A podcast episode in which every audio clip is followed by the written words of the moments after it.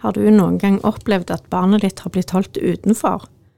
Eller at det er ditt barn som er med å ekskludere andre? Da må du høre på denne sesongen av Fusboden. Her får du tips og råd til hvordan du løser sånne situasjoner, og hvorfor vennskap er så viktig for ungene våre.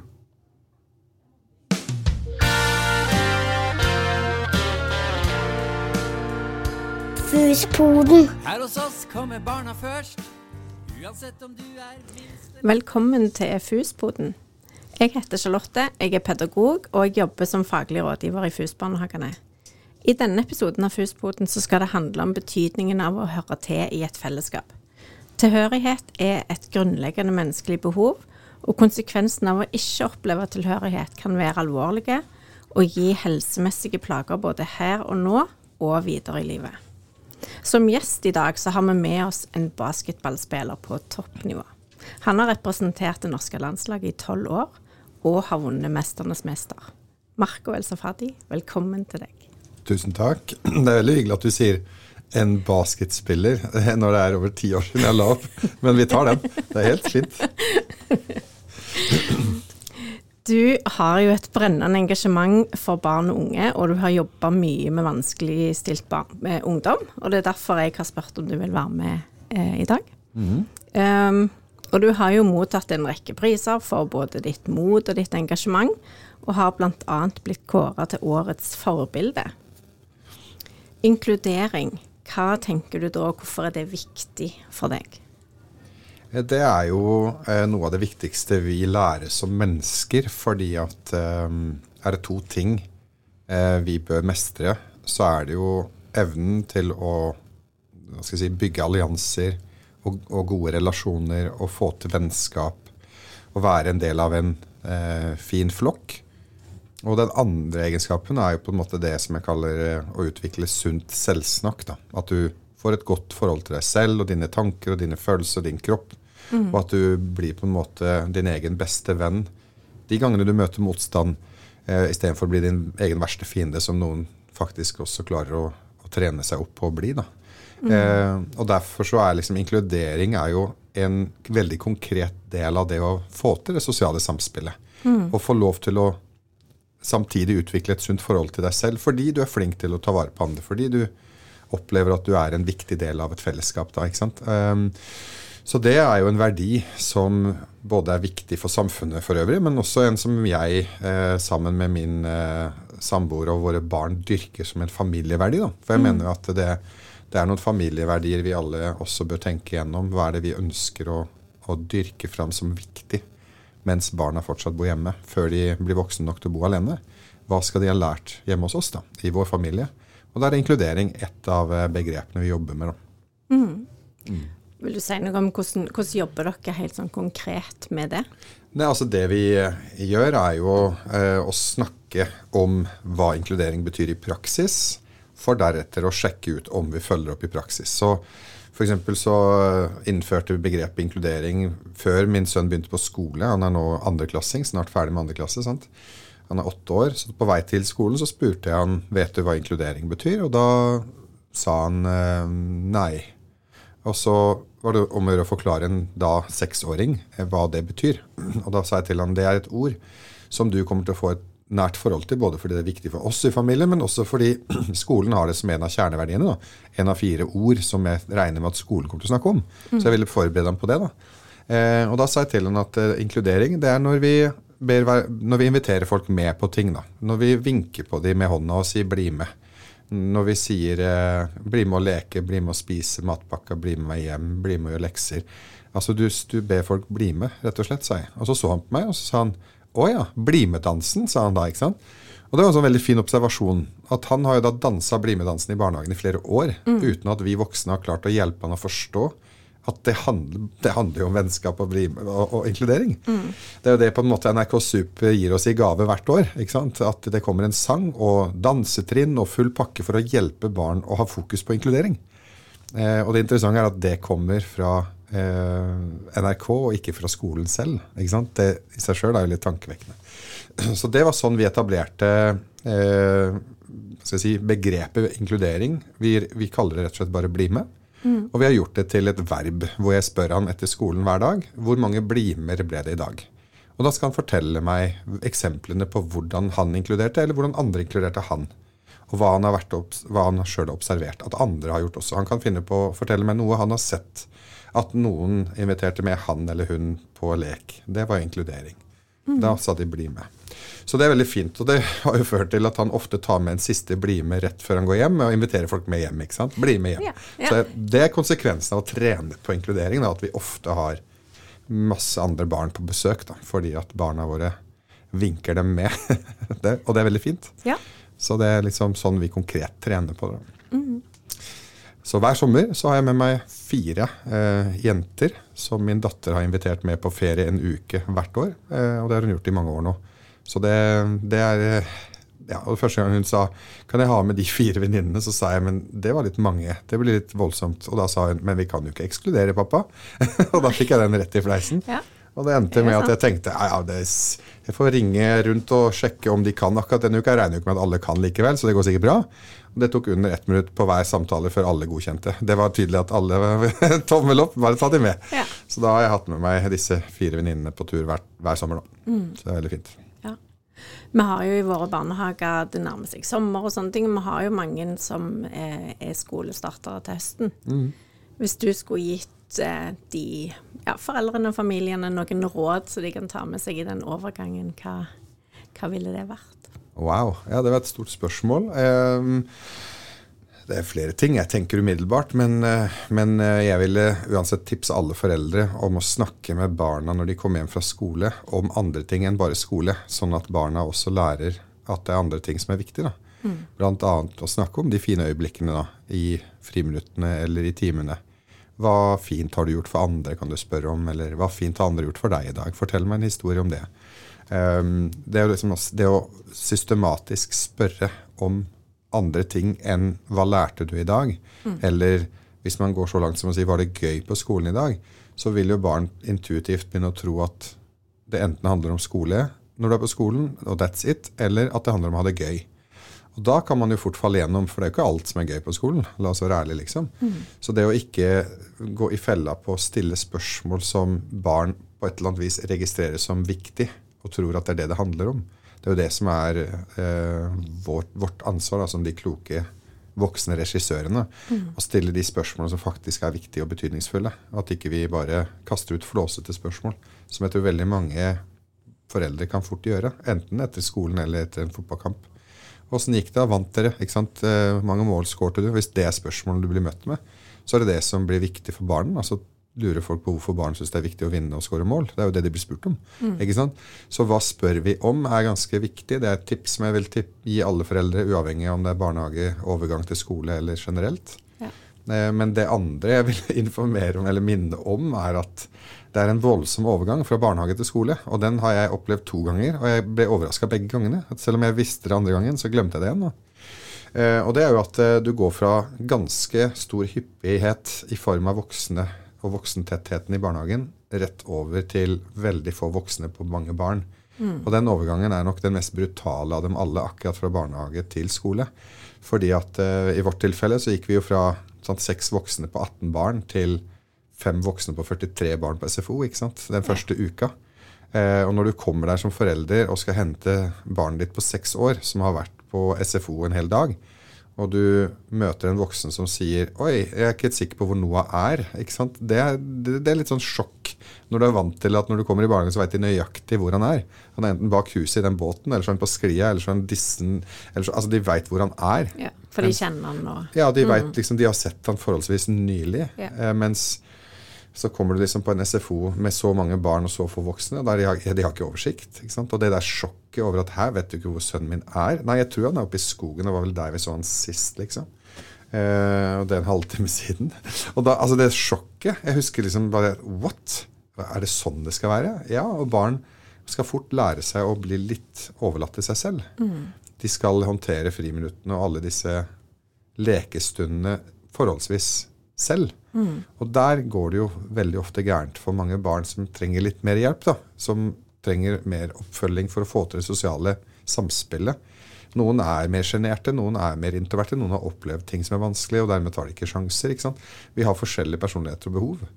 Og når voksne da rett og slett ikke har kapasitet til å bli godt nok kjent med alle disse 43 barna, da, fordi det bare er fem voksne, så blir de jo overlatt til å finne ut av det helt på egen hånd. Og da overlates litt mye til tilfeldighetene. Mm. Så desto viktigere at vi som foreldre sjekker åssen det går med barna våre. At vi har gode samtaler og hjelper dem å, å sortere ut hva slags muligheter er det i morgen hvis du ikke har fått det til i dag. Hvordan kan vi liksom hjelpe barn og heie de fram? Og kanskje av og til også spille på lag med de voksne på skolen for at de skal få det til å løsne. da. Men uh, i forrige uke så hadde jeg en samtale med en 13 år gammel gutt som kom uh, opp til meg etter et foredrag hvor jeg prata om det å tørre å be om hjelp, tørre å si fra hvis man har det vanskelig. Det at uh, vi må huske at hjernen vår av og til tøyser oss inn i tull. Og f.eks. så tror vi at noe er sant eller viktig når det egentlig ikke er det. Og så tror vi på alt vi tenker, som barn. Det trodde jeg også. Og kan av og til gjøre ting u, altså, urettferdig komplisert for oss sjøl. Men vi veit jo ikke bedre. Vi er jo bare barn. ikke sant? Og Derfor så sier jeg til barn at hvis du har opplevd noe vanskelig, noe vondt, og du ikke klarer å slippe den tanken eller opplevelsen, og den sitter i kroppen, og det stadig kommer tilbake og plager deg, så er det kanskje lurt å be om hjelp. Fordi at eh, vi har en liten sånn løgner i bakhodet som sier hvis du snakker med noen om dette, så blir det verre, så ikke gjør det. Dette tror vi på. Det sier vi til oss sjøl lenge nok til å tro på det. Og det voksne gjør jo også det. Og så prøver jeg liksom å være motstemmen og man si til barn men snakk med noen voksne du stoler på. Si fra. For det er der løsningen ofte ligger. At noen kan hjelpe deg å sortere. Og det var nok til at en gutt på 13 kom opp til meg etter det foredraget og sa jeg har lata som jeg er glad hjemme i lang tid, for jeg vil ikke at mamma skal bli lei seg for at jeg er lei meg. Ikke sant? Ja. Så er det en 13-åring som skjuler at han har det vanskelig fordi han vil skåne moren sin for det. Og det har han bare tolka seg fram til er lurt. Helt på egen hånd. Og så går jo moren ikke sant, og aner fred og ingen fare fordi han kanskje klarer å skuespille seg til at hun tror at det går bra. Så jeg måtte jo spørre han hvorfor gjør du det. Og så sa han for jeg orker ikke at mamma skal bli lei seg. Så det er jo kjærlighet i bunn. Men det er jo så misforstått. ikke sant? Så måtte jeg spørre han men hvor lenge har du hatt det sånn. Han har hatt det sånn ganske lenge. Og da sa jeg til han at jeg anbefaler å si det til mammaen din. Så sa han jeg vet ikke om jeg klarer det. Så sa jeg tror du at moren din eh, kommer til å eh, kanskje bli enda mer lei seg hvis hun får vite om ti år at du har lata som du er glad hjemme, og så har hun aldri fått muligheten til å trøste deg eller hjelpe deg med noe? Tror du det vil være enda verre for mammaen din? Oi, det har han ikke tenkt på. Så sa jeg, og tror du at mammaen din på lik linje med deg da, kan håndtere å være lei seg? For du klarer å være lei deg, og du skjuler det. Så tror du ikke mammaen din tåler å være lei seg også? Og så kanskje innimellom bli glad igjen? For det klarer vel du òg? Du er ikke lei deg hele, hele tiden. Innimellom så har du sikkert også noen fine øyeblikk. Ja da, det stemmer. Så jeg, så jeg tror du skal stole på at mammaen din er voksen nok og sterk nok til å håndtere at du er lei deg, og så blir hun lei seg. Og det er ikke farlig. Men da kan dere sammen snakke om det. Og sammen trøste hverandre. Ja, det hadde han ikke tenkt på. ikke sant? Og dette er det som mangler. Vi mangler de der inputene.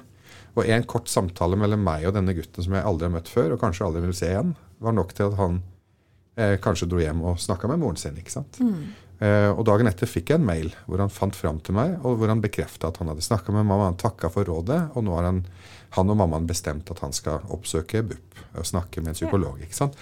Og kanskje få profesjonell hjelp. Og, og det er jo på en måte veldig fint at det kommer noe så konkret ut av et helt enkelt råd. Men det er de rådene som uteblir, da, fordi vi, vi er for få voksne på for mange barn i skolen. Derfor må foreldre følge på Ja. og følge med. Og så er det jo kanskje noe òg som, som jeg tenker skjer i barnehagen òg, som de har med seg i ryggsekken av, eh, av erfaringer på hva det er greit å snakke om, og hva de skal eh, Ja, hva, hva de kan spørre om, og hva de kan ha fokus på ifra barnehage. Hvordan de har blitt møtt av både barnehageansatte og foreldrene opp gjennom oppveksten før de begynner i skolen òg. Ja da, det ligger Ja. jo en historie der. Eh, og det, jo, det skal jo barnehagene ha. De er jo veldig flinke til å følge opp barn og til å stille gode spørsmål, til å fortelle barn hva som er greit og ikke greit. Hva som eh, sant, hvordan de skal forholde seg til egen kropp, og alt det som er liksom veldig pedagogisk og fint i barnehagen. Som man undervurderer, selvfølgelig. Fordi at uh, jeg, før jeg fikk barn i barnehagen for en del år tilbake, så trodde jo jeg på et vis at barnehagen var et oppholdssted for barn. ikke sant, Fram til alvoret begynte med skolen. Og så oppdaga jo jeg barnehagen for 13 år siden, og dattera mi begynte der. ikke sant, Hvor jeg skjønte at wow, så mye pedagogisk som foregår her. Så mye hun lærer. Så mye hun trenger for å fungere i skolen i det hele tatt. ikke sant? Og da skjønte jo jeg at eh, det er jo barnehagen som er verdens viktigste eh, arena. Det er jo barnehagefolka som er de viktigste profesjonene i verden, ikke sant? Ja. Så det var, eh, det var en sånn wow, et sånn sjokk for meg. Og da jeg tenkte liksom sånn Hvis jeg kan gå og tenke sånn, som har jobba i skolen og jobber med barn, da tror jeg mange, jeg tror det er mange som undervurderer barnehagens verdi og barnehagens rolle og pedagogiske eh, kraft da, som barn trenger for å få det til, for å få en god start på livet. da. Ja. Så det er jo det mandatet barnehagene har. da. All ære til dere, til dere i barnehagene. Og jeg tenker at i forlengelsen av det, siden dere har verdens viktigste jobb, så har dere også verdens største ansvar. Ja. Ikke sant? ja. Og det må forvaltes på en veldig klok og fin måte. Det er helt sant. Ja. Og i forhold til litt sånn barnehage og skole og, og litt sånne politiske eh, insentiver òg i forhold til det å, å skape eh, skoler og barnehage som inkluderer alle, så er det jo ganske tydelige føringer i de styringsdokumentene som både barnehage og skole forholder seg til, eh, i forhold til det å å inkludere alle, uavhengig av kjønn og sosial og kulturell og språklig bakgrunn, og, og kognitive og fysiske forskjeller som ungene har. Um, og, og vi snakker jo i barnehagene mye om den forebyggende eh, Altså det å jobbe forebyggende for å skape eh, Du snakket om det der med at, at de skal vite at de skal kunne komme til oss hvis de ikke klarer å håndtere sjøl. Det handler jo om å skape robuste barn som til en viss grad selvfølgelig klarer å ordne opp sjøl og sette grenser for seg sjøl, men i tillegg òg vite tid er det jeg skal kunne søke hjelp og søke eh, bistand for å, få, for å få det til. Ja, at, at det er lav terskel sant, for å be om hjelp. da. Ja. Men det er jo et poeng at det er jo er først og fremst også viktig å lære barn å håndtere livet. At det å være et robust barn betyr jo at du blir et selvstendig barn fordi det går an å håndtere en del av utfordringene på egen hånd. Og det, er, det ser jeg jo at barnehager ofte er veldig gode på. da. At man lærer barn å skvære opp, ordne opp, rydde opp i relasjoner og konflikter sjøl, og ikke komme løpende til voksne som skal komme og bare trumfe gjennom hva vi gjør nå for å løse denne krisen, men å dytte ballen tilbake og si OK, gå og si det til hun da, eller han, og se åssen det går. Ja. Og så istedenfor å liksom komme og be om hjelp, prøv først. Og det merker jeg at vi som foreldre også kan bli bedre på. At når barna våre kommer og sladrer på en annen 'Nå, nå har han dytta meg eller sagt sånn om meg.' ikke sant? Så kan man liksom komme løpende og si 'det er ikke lov å dytte', eller 'du kan ikke si sånn'. Eh, Istedenfor å si til den femåringen da, ja, men si det til, si det til store, storebroren din. da, At han ikke kan si sånn. Gå og si det sjøl. Si at det er, ikke, det, er det er ikke noe fint at du kaller meg det. Da blir jeg lei meg. Si det. Så kan du oppdra han på en, på en måte med å fortelle han konsekvensen av det han gjør. Ja. Istedenfor at jeg skal komme og true med å fjerne en gode hvis ikke du slutter å plage lillesøster. ikke sant? For da lærer jo ikke barna å skvære opp sjøl. Men vi løser jo krisen der og da med en liten sånn trussel om at det blir ikke dessert hvis du fortsetter sånn. Ja. Så Problem solved akkurat der og da, Ja, men, men eh, veldig ikke- kortsiktig. Ja. Mm. ja. Og det er jo det, sånn for de ungene som går i vår barnehage, så skal de jo lære både det å, å få gode strategier på hvordan være, eh, være sammen med andre mennesker og, og finne Ja. Eh, få gode vennskap, bygge gode vennskap.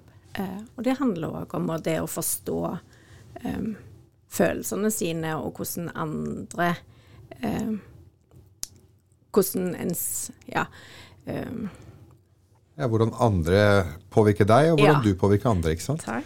Og det samspillet der er jo nettopp det som må utvikles. Eh, og det starter selvfølgelig allerede i barnehagen, og det fortsetter jo også inn i skolen og i alt av fritidsaktiviteter vi driver med, som barn skal fortsette å utvikle seg på. Så jeg snakker mye om det også innen i idrettsbevegelsen, at hvis vi ikke bruker idretten nettopp til det, å lære barn å håndtere både seg selv og hverandre bedre. Hvis ikke vi bruker fotballen eller basketen eller volleyballen eller sjakk eller speideren eller musikkorpset til å komme sammen på en trygg arena med trygge voksne og bli flinkere og flinkere til å håndtere hverandre. Hva er vitsen da, liksom? Det er, det, er jo, det er jo alt forgjeves. Ja. Jeg tenker at det er, fort gjort å, det er fort gjort å bli distrahert av resultatene som idrettene skaper.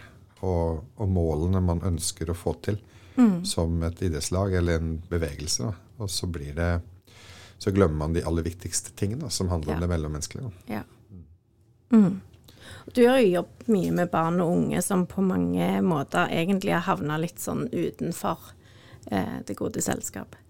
Eh, og hva er, hva er grunnen til det engasjementet som du har for nettopp disse ungene? Wow. Ja, nei, det starta jo ganske tidlig, egentlig. Jeg var, eh, jeg var Altså, jeg har alltid vært glad i mennesker. Alltid vært glad i andre barn.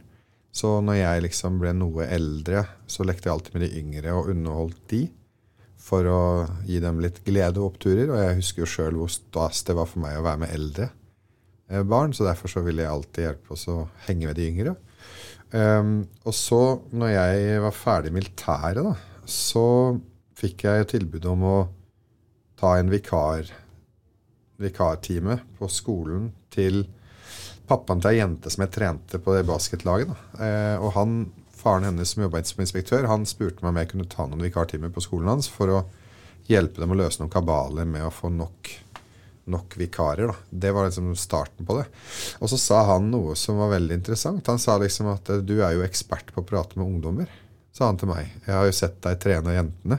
Uten at jeg tenkte over det, det da, at jeg tok på meg en ganske vanskelig jobb å trene 14 år gamle jenter. Det er liksom ikke verdens enkleste målgruppe. Men som ung 20 år gammel trener så tenkte ikke jeg over at det egentlig var en kjempevanskelig oppgave. For jeg, jeg tok den, for den var ledig. Det var ikke så mange som ville ha den jobben. og så gikk det ganske greit. da. Jeg, liksom, klar, jeg klarte blandingen av å være myndig og tydelig, men også støttende og motiverende og kjærlig, da, som disse 14 år gamle jentene også trenger. En tålmodig trener som møter dem med mye forståelse og, og godhet i bunn, men som også kan stille krav. Og den balansen der, den var tydelig at han likte at jeg klarte å balansere, så han ville ha meg inn i skolen. Og det var en skole med ganske store utfordringer, med elever som var nyankomne, flyktninger. Det var en, det var en norskopplæringsskole der det var folk fra hele verden som kom sammen i, sant, og ble knust sammen på skolegården. Og så skulle de fungere og lære mest mulig norsk, og alle hadde til felles at de ikke kunne språket, og at de hadde mye følelser. Sant? Det kunne være folk med traumer, og det kunne være folk som, som var barn av polske arbeidere i Norge, sant? som skulle lære norsk. Og den miksen av eh, mangfoldet førte jo til mye trusler og spytting og krenkelser og slåssing. Og så spurte han liksom kan du ta noen store friinspeksjoner, for det er det mange som ikke vil. Folk er redde for å gå ut i skolegården. Det er noen tiendeklassinger som er ganske svære, liksom. Så jeg tok den jobben. Jeg sa ja, selvfølgelig kan jeg gjøre det. Og så skjønte jeg i løpet av det eh, skoleåret der da, at ved å tilbringe mer tid med de krevende elevene, så fikk jeg mer, eh, si, fikk jeg mer gehør. Så jeg lagde meg en sånn kjøreregel som jeg fortsatt følger, da, og den heter liksom at ungdom lytter bedre til voksne de liker. Og det er liksom bare en sannhet som du må enten forholde deg til eller ikke, men, men, du, men den er der. Det, det, er ikke sånn, det kan ikke diskuteres. da. Det er liksom sånn det er.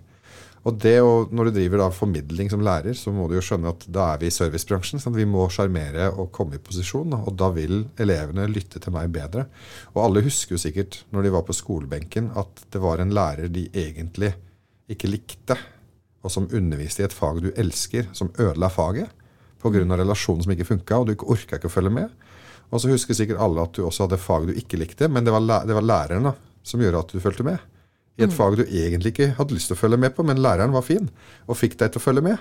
Og da er det relasjonen som snakker, da. Så jeg har veldig trua på det med, med de relasjonene. da. Så jeg oppdaga i den skolegården hvor jeg jobba med mange sårbare gutter spesielt, da, også jenter, men mest gutter, så merka jeg at jeg hadde en appell. Jeg hadde, jeg hadde gehør, og jeg fikk eh, Jeg nådde inn ved å bruke tid i storefri når jeg hadde alle disse inspeksjonene, så tilbrakte jeg jo mye tid med dem. Og da var jeg også med på å leke med dem. Sånn, spilte basket, jeg hadde straffekonke, jeg var med å hoppe tau med noen småjenter. Jeg var liksom med i, i aktivitet, og det elsker barn. De elsker voksne som er med og leker. Og det ga meg masse kred, og på et punkt så merka jeg at det fikk jeg med inn i timene, og de forholdt seg til også de kjipe beskjedene. Sett deg ned, ta opp matteboka og, og hør etter. Og så forholder de seg til det bedre og bedre når relasjonen vokser. Så da liksom lærte jeg at ok. Og liksom prinsipp nummer to i forlengelsen av det første, med at ungdom lytter bedre til voksne de liker, så har du det med Hvis du vil stille krav, så kan du aldri stille høyere krav enn relasjonen tillater. Så det må liksom hele veien tilbake til relasjonen. det er utgangspunktet da. Så når jeg oppdaga det det første året jeg jobba i skolen, så merka jeg at jeg ble liksom veldig bitt av den basillen. At jeg hadde lyst til å gjøre mer av det. Jeg ville hjelpe flere som sliter, ved å komme i posisjon. Så jeg gikk ut av skolen etter to år og, og starta liksom flere sånne ungdomsprosjekter. Og, så, og, så, og så gikk det på en måte livet bare sin gang. Da. Så, Og plutselig så har jeg vært i den, i den bransjen med barnevernsbarn i snart 30 år. Sant? Men det starta tilfeldig med denne pappaen til Anna som sa du kan snakke med ungdom, kom og prate med våre ungdom på skolen, vi trenger deg. Og når jeg var ferdig i Kristiansand på den skolen, som het Kongens gate skole, så sa han til meg du må love meg å fortsette å jobbe som lærer, for du passer inn i skolen. Du er laga for å være i skolen. Så jeg fortsatte et år til i skolen når jeg flytta til Bergen. Og så, ja, så mista jeg litt piffen og motivasjonen, for den skolen var litt og dårlig arbeidsmiljø for meg, eh, og- altså for lærerstaben. Da. Det var noe annet enn den skolen jeg, jeg kom fra, hvor alle sto sammen som et lag. Og så kom jeg til en skole hvor lærerne var slitne, og så var folk i, i kamp mot hverandre.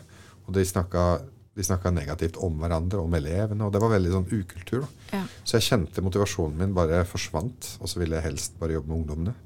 Så jeg tilbrakte mer og mer tid ute i skolegården frivillig, og ble jo kritisert for det også etter hvert. At jeg ikke var med og bidro til fellesskapet som lærervikar. Og da kjente jeg bare at nei, dette orker jeg ikke. Jeg vil jobbe bare med ungdommer. Det, jeg er mer interessert i samtalen med ungdommene enn en undervisningen også etter hvert. Da. Så jeg tenkte at da får jeg heller bare slutte med skole, og kanskje bare jobbe med de her prosessene da, med ungdommene.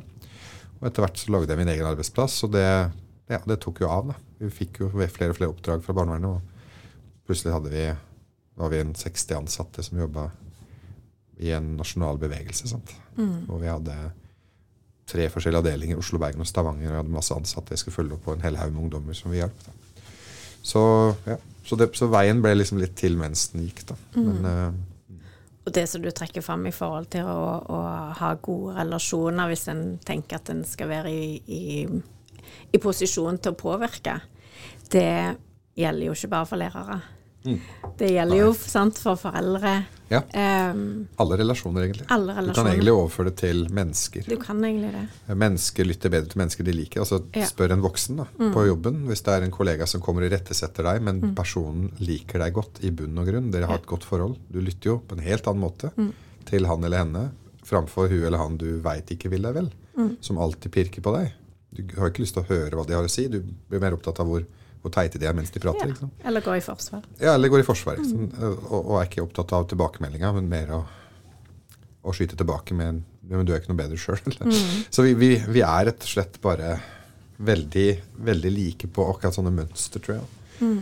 At, eh, ja, når relasjonen funker bra, så får du mye gratis. Da.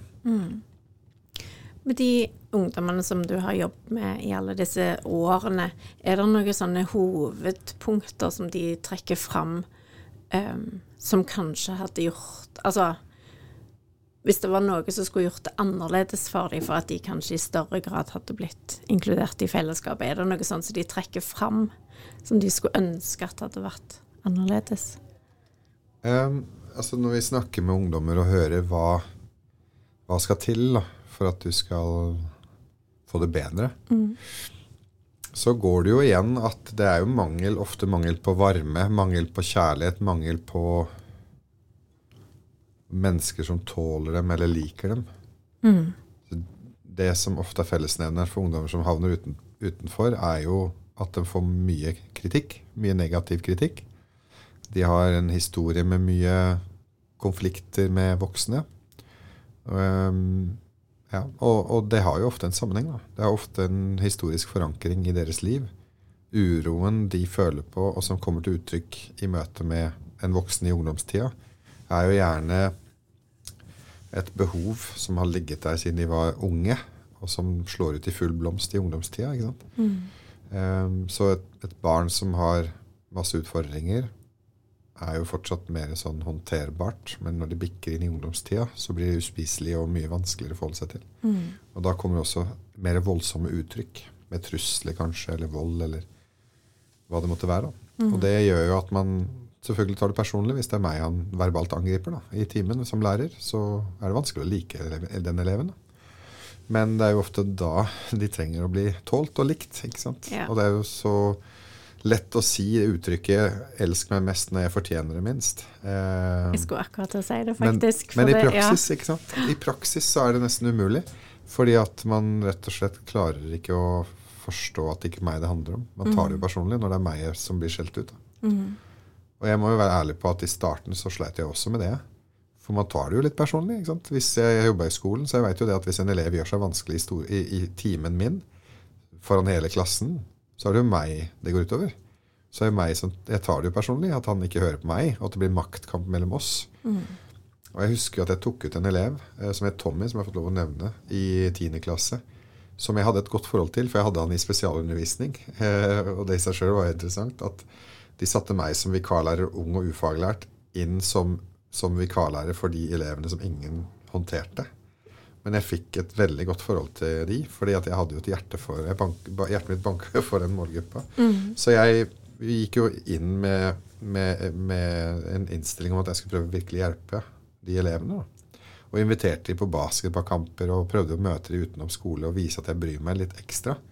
Og det funka jo. Jeg fikk jo et godt forhold til han. Han kom på kamper, og vi fikk et godt forhold. Og så kommer han inn i, i klassen da, på en vanlig undervisning, og jeg skal være vikar. Og begynner å gjøre seg ordentlig til. Og jeg ble skikkelig oppgitt og, og lei meg, og tenkte hvorfor gjør han sånn nå? Så jeg tok han jo med meg ut på gangen for å snakke med han, for jeg skjønte at jeg kan ikke kjøre en maktkamp foran klassen. For den er ikke vits i, da krenker jeg jo han. Så jeg tok han med meg ut på gangen, og da kom jo reaksjonen fra klassen. Da, sant? Når han ble tatt med ut på gangen. Og så tok jeg en samtale med han og sa hvorfor oppfører du deg sånn? Kan du ikke oppføre deg ordentlig sånn som du pleier? Så, sa han, så så han på meg så sa han, det kan jeg ikke her inne. sa han. Her inne forventer de at jeg oppfører meg sånn. Så ikke ta meg med inn igjen, for da må jeg være dust mot deg. Det har jeg ikke lyst til. Så la meg bare stå her. Bare la meg stå på gangen. Så jeg bare nei, nå blir du med meg inn, og så oppfør deg ordentlig. Det er det du skal gjøre. Ikke noe mer.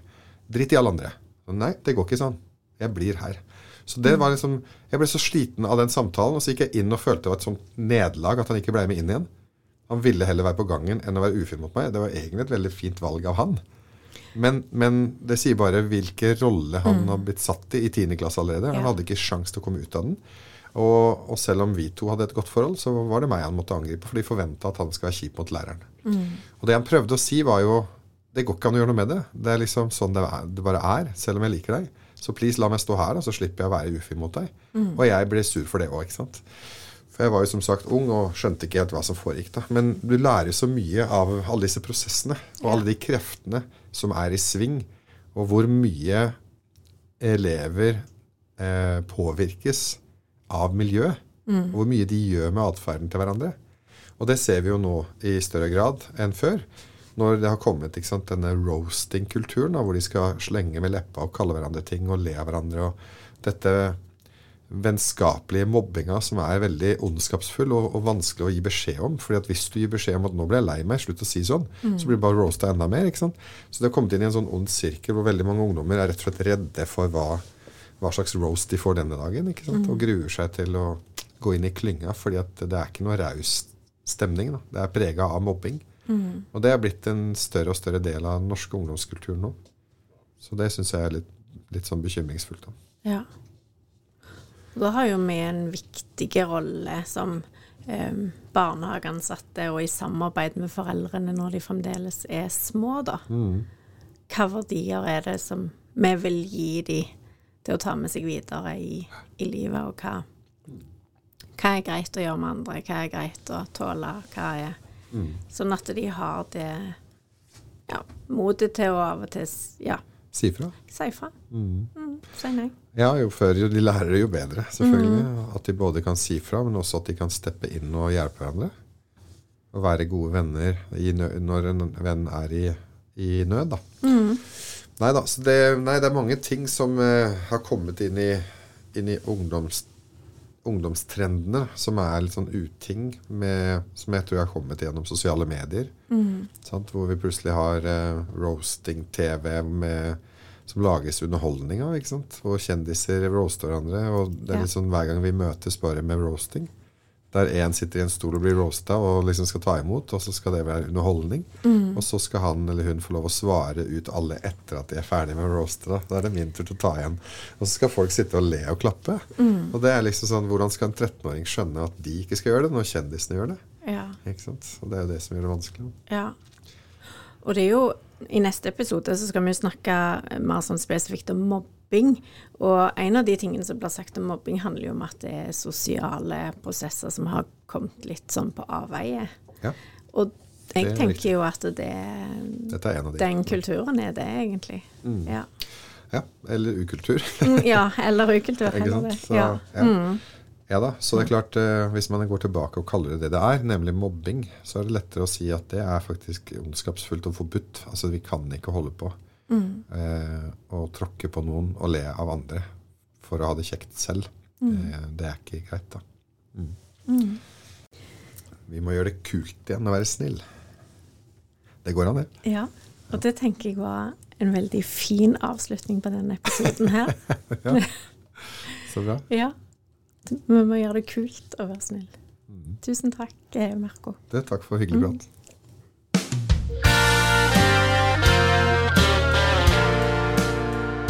Vil du ha flere tips og triks fra våre pedagoger? Følg oss på Instagram. Du finner oss under at fus-barnehagene. Der får du hverdagsmagi, foreldretips og andre viktige temaer innen barns oppvekst. Vi høres!